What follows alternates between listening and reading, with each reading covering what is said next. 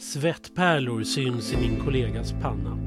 Han tittar ut genom minibussens fönster. De gula ljusen utanför slår stötvis mot bilrutorna och lyser upp kollegans ansikte. Det är tyst i bilen. Det finns ingen återvändo. Det är nu eller aldrig. Jag riktar kameran mot min kollega, TV4s legendariska utrikesjournalist Rolf Porseryd. Det gula ljuset blandas med ett blått kvällsljus. Det här blir snyggt, tänker jag. Genom hörlurarna hör jag tunga andetag. I framsätet sitter vår fixare, en 1,70 lång, rätt kraftig, skallig palestinsk man. En oerhört energisk person och bra som fixare. Det är han som har ordnat det vi nu är på väg emot. Fixaren har en valk i nacken där bak och en mörkblå militär jacka med pälskrage. Strax innan när vi satte oss i minibussen hade han försäkrat min kollega att han hade talat med sin bror att om vi skulle försvinna så skulle brodern vända upp och ner på Gazaremsan. Det hade uppstått några sekunders betänketid som en respit. Det hade kunnat gå att dra sig ur det här och åka tillbaka till hotellrummet, beställa upp lite mat och dricka och titta ut över solnedgången över Medelhavet. Men ingen av oss hade tvekat. Och nu sitter vi i bussen som skumpar fram genom Gaza City, in i de trånga gränderna, en tvär gir, förbi några skugggestalter och sen stopp. Vad skulle nu hända? Wait! Chauffören vänder sig om och gör en gest med handen att vi ska vänta, att vi ska lugna oss. Vi måste nämligen avvakta tills klartecken ges från den militanta grupp vi snart ska träffa. Från början hade idén varit att träffa militanta kvinnor eller terrorister om man nu ska använda sig det ord som Israel benämner dessa grupper. Istället blir det nu samma militanta grupp som hade kidnappat och hållit den israeliske soldaten Gilad Shalit fången under flera år. Samma grupp som mördat en israelisk 18-åring och skjutit ihjäl en gravid kvinna, en bosättare vid en så kallad drive-by shooting. Att gruppen hade det som ibland kallas våldskapital står helt klart. Att de skulle kunna kidnappa gruppen med svenska journalister är självklart. Vad skulle vi kunna sätta emot?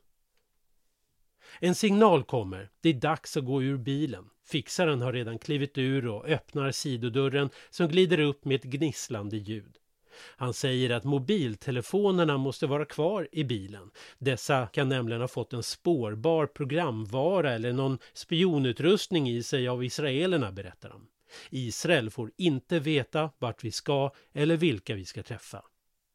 Vi kliver ut på något som skulle kunna kallas för ett torg eller kanske snarare embryot av ett torg. Det finns ingen stenbeläggning, inga fina rabatter. Marken utgörs av stampad sand och på några platser brinner eldar ur metalltunnor.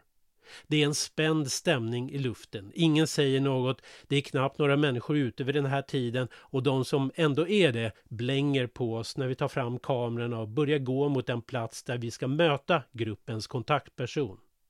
Jag sätter igång min kamera så att den rullar och spelar in även om jag håller den i midjehöjd. Jag försöker flytta mig i olika positioner så att kameran ska fånga lite av stämningen och det som händer runt omkring oss.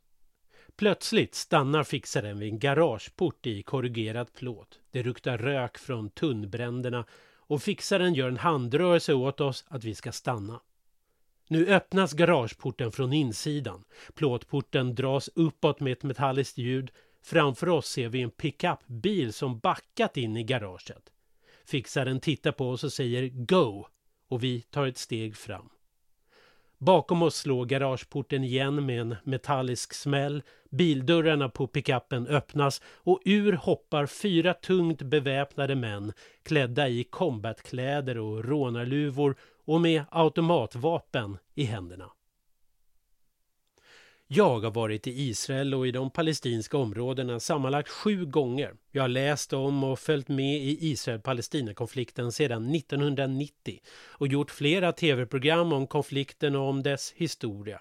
Men jag har inte skrivit om konfliktens historia tidigare och jag har inte skildrat konflikten utifrån mitt eget perspektiv eller berättat om alla mina möten med de människor som finns mitt i denna konflikt. Det är den skildringen ni nu lyssnar på eller läser. Jag kommer skildra bakgrunden till Israel och Palestinakonflikten, hur sionismen, den judiska nationalismen föddes och hur motsvarande nationalism på den arabiska sidan bildades. Hur den första judiska invandringen gick till och vad som hände med den arabiska befolkningen då. Och vad hände egentligen under alla krig och konflikter? Varför ockuperar Israel stora delar av Västbanken? Varför blossar det med jämna mellanrum upp bråk mellan israeler och palestinier? Och varför sker det terrordåd och vad är syftet med dessa? Och den kanske viktigaste frågan, varför kan det till synes i alla fall aldrig bli fred i denna del av Mellanöstern? Hur skulle en lösning på konflikten kunna se ut? Finns det några hållbara sätt att skapa fred i denna en av världens längsta konflikter? Jag som skriver det här har som sagt besökt Israel och de palestinska områdena många gånger. Jag har varit journalist och tv-producent i 30 år och jag har jobbat på SVTs Rapport och TV4s nyheter. Och jag har varit producent av historiska dokumentära serier på Utbildningsradion och producerat flera historiedokumentärer för TV4.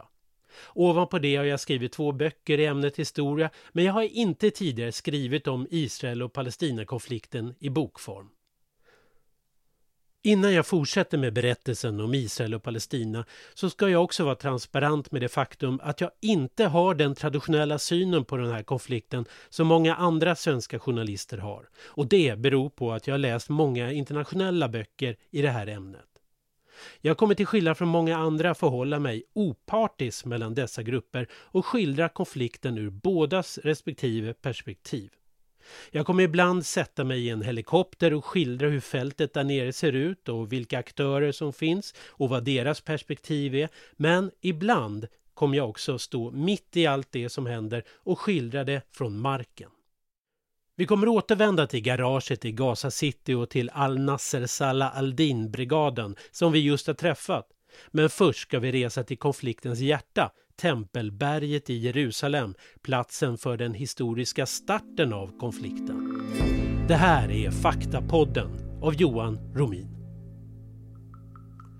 Första gången jag besökte Jerusalem var 1993. Det här var innan Osloavtalet, alltså fredsavtalet mellan Israel och palestinierna. Så här efteråt så vet vi att israeler och palestinier vid den här tiden satt i hemliga förhandlingar för att dra upp riktlinjerna för ett palestinskt självstyre i Gaza och staden Jeriko. Men vid tiden för mitt besök låg allt det här i framtiden. Tövädret skulle vänta på sig och vid den här tiden var det fortfarande terroristhot som var högst påtagligt i Jerusalem.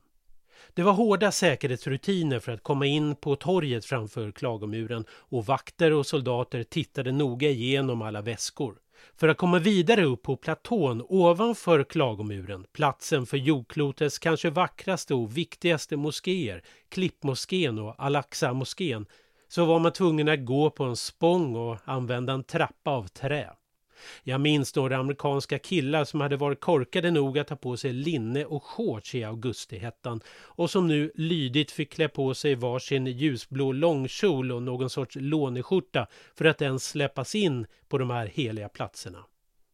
Jag och min dåvarande flickvän av judisk börd reste omkring i landet för att hälsa på släktingar till henne. Sedan dess har jag besökt klagomuren åtskilliga gånger. Det första som slår en är att män och kvinnor är separerade och har varsin halva av klagomuren att be vid. Det andra är hur avslappnat och nästan gemytligt det är där inne bland herrarna. Det är ju där som jag av naturliga skäl kunnat stifta bekantskap med muren. Att komma in på torget är alltså belagt med kontroller. Men när man väl är där inne så blir man ofta hjälpt till rätta av någon äldre judisk man med långt skägg som gärna vill visa upp de inre och heligaste delarna av muren. Här står män, unga och gamla, de flesta klädda i den ortodoxa svarta rocken, skruvlockar och skägg av olika längd och vaggar fram och åter i takt med att de ber.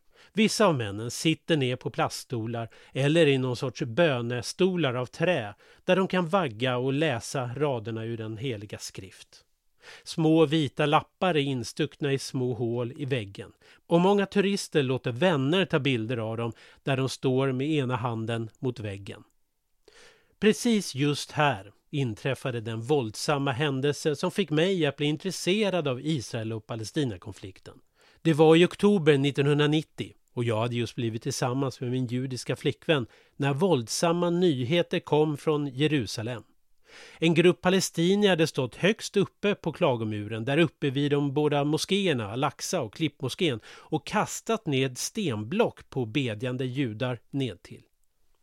Bakgrunden till den här händelsen kan fungera som en presentation av hela den israelisk-arabiska konflikten. Vad som hade hänt innan de palestinska demonstranterna stod där med sina stenar i hand var att en djupt religiös judisk grupp hade en plan att placera en symbolisk hörnsten där moskén Al-Aqsa ligger. Hörnstenen skulle symbolisera det judiska templet som revs av romarna år 70 efter Kristus. Den religiösa gruppen hade som mål att Al-Aqsa skulle rivas och den symboliska stenen skulle fungera som en politisk manifestation. Men gruppen hade inte fått tillstånd att placera den här symboliska stenen vid Al-Aqsa-moskén. Israeliska myndigheter, väl införstådda med vad en sån här handling skulle kunna leda till, hade avslagit begäran från den judiska gruppen. Denna information hade dock inte spridits till palestinierna alternativt att några som ville skapa upplopp och utnyttja kraften i människors vrede hade tonat ner att den judiska gruppen fått avslag. Istället kokade ilskan bland palestinierna att deras moské, byggd år 638, den tredje viktigaste moskén för muslimer, nu var hotad. Denna konflikt har alltså kopplingar till minst 2000 år av historia. Men faktum är att judar och araber inte varit i luven på varandra förrän en bit in på 1900-talet. Det här är alltså en modern konflikt och för att förstå fröet till konflikten får vi gå tillbaks till 1800-talet och den rasistiska antisemitism som växte fram på 1880-talet. Sionismen, den judiska nationalismen, var en reaktion på den antisemitism som fanns på 1870 och 80-talen. Tysklands enande det tyska kejsardömet grundades den 18 januari 1871 i den stora spegelsalen i det franska slottet Versailles. Kejsardömets starke man, Otto von Bismarck, ledde Tyskland mot seger mot Frankrike i det fransk-tyska kriget. Den här händelsen kom på många sätt att forma Europa och hela världen under 1900-talet. Efter enandet på 1870-talet var ekonomin dålig. Många i Tyskland upplevde att utländska krafter styrde och ställde med tysk ekonomi. Bismarck utnyttjade känslorna och underblåste nationalismen. Tyskland var, sedan gammalt ett mångkulturellt land. Det fanns rader av minoriteter som talade andra språk och två dominerande riktningar inom kristendomen, katolicismen och protestantismen. Nu började tankar födas om vem som egentligen tillhörde det nya landet Tyskland och att Tyskland borde vara ett land för enbart tyskar och tysktalande. En av de minoritetsgrupper som levde i Tyskland vid den här tiden var judar. De hade levt i de tyska områdena ända sedan medeltiden och precis som alla andra europeiska judar hade de då och då råkat ut för förföljelse men också under långa tider kunnat leva i fred. Under 1800-talet hade judar emanciperats, det vill säga att samhället hade öppnats upp allt mer så att judar skulle kunna inneha alla olika positioner i samhället utom förutom kanske nå den högsta toppen som kejsare. Men den kristliga antisemitismen gjorde att många judar hade konverterat till kristendomen och upphört med judiska traditioner. En av dessa var den socialistiska agitatorn Karl Marx far som hade konverterat till kristendomen. I mitten av 1870-talet började en ny sorts antisemitism växa sig stark i Tyskland. Den rasistiska antisemitismen. Och till skillnad från den kristliga så fanns det inget botemedel inom citattecken mot den rasistiska antisemitismen. Om man var jude så gick det inte att konvertera och sluta vara jude enligt de rasistiska antisemiterna. I slutet av 1870-talet växte sig antisemitismen allt starkare och blev till en politisk kraft i Tyskland med kopplingar ända upp till kejsar Wilhelm. Den kände hovpredikanten Adolf Stöcker som var anställd av kejsaren var pådrivande inom den rasistiska antisemitismen. 1881 kom nästa viktiga händelse i antisemitismens historia. Den ryske tsaren Alexander II, mördades genom att terrorister eller frihetskämpar, hur man nu vill kalla dem, kastade sprängladdningar mot tsarens följe.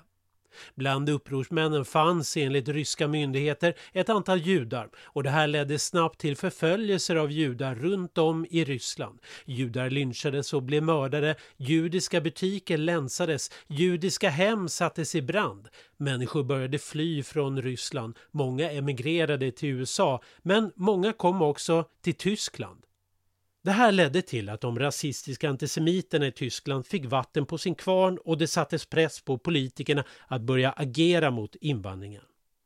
Nu passade den tyske kanslern Bismarck på att göra sig av med polacker och judar som bodde i gränsområdena mellan Tyskland och Ryssland. Vid den här tiden fanns inte Polen, men det fanns polacker, alltså personer av polsk eller slavisk etnicitet som talade polska.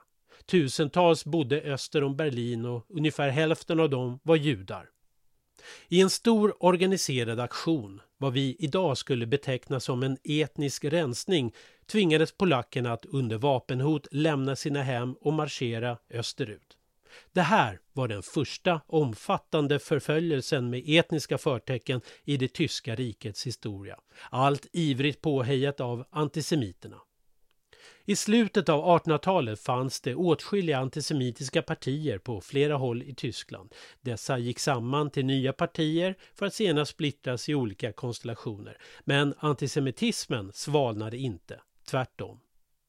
År 1899 fanns till och med ett parti i Hamburg som förordade något som de kallade förintelsen av judar. Samma ord, förintelse, kom Adolf Hitler att upprepa i den tyska riksdagen år 1939. Med andra ord, när nazisterna och Adolf Hitler kom till makten 1933 var det här med politisk antisemitism och planer på förföljelse och fördrivning av judar, eventuellt också massmord på dem, inte något nytt. Detta tankegods hade funnits i Tyskland sedan 1870-talet. I slutet av 1800-talet så föds också den nationalistiska rörelse som kommit att kallas sionismen, zionism, och som än idag sänder kalla kårar ut med ryggen på miljoner människor, inte bara palestinier utan även de vänstergrupper som har kommit att intressera sig för Israel och Palestina-konflikten av rent ideologiska skäl. Jag kommer att berätta mer om sionismen och Theodor Herzl, dess grundare, i nästa program av den här Faktapodden. I nästa program kommer jag också berätta vidare vad som hände i garaget i Gaza City när den militanta palestinska gruppen Al-Nasser Salah al-Din stod där framför oss med sina rånarluvor och kalasjnikovs efter att ha hoppat ur pickupbilen. Lyssna även nästa vecka på Faktapodden med mig Johan Romin och hör mer om Israel och Palestinakonflikten och dess historia. Vi ses om en vecka. På återseende.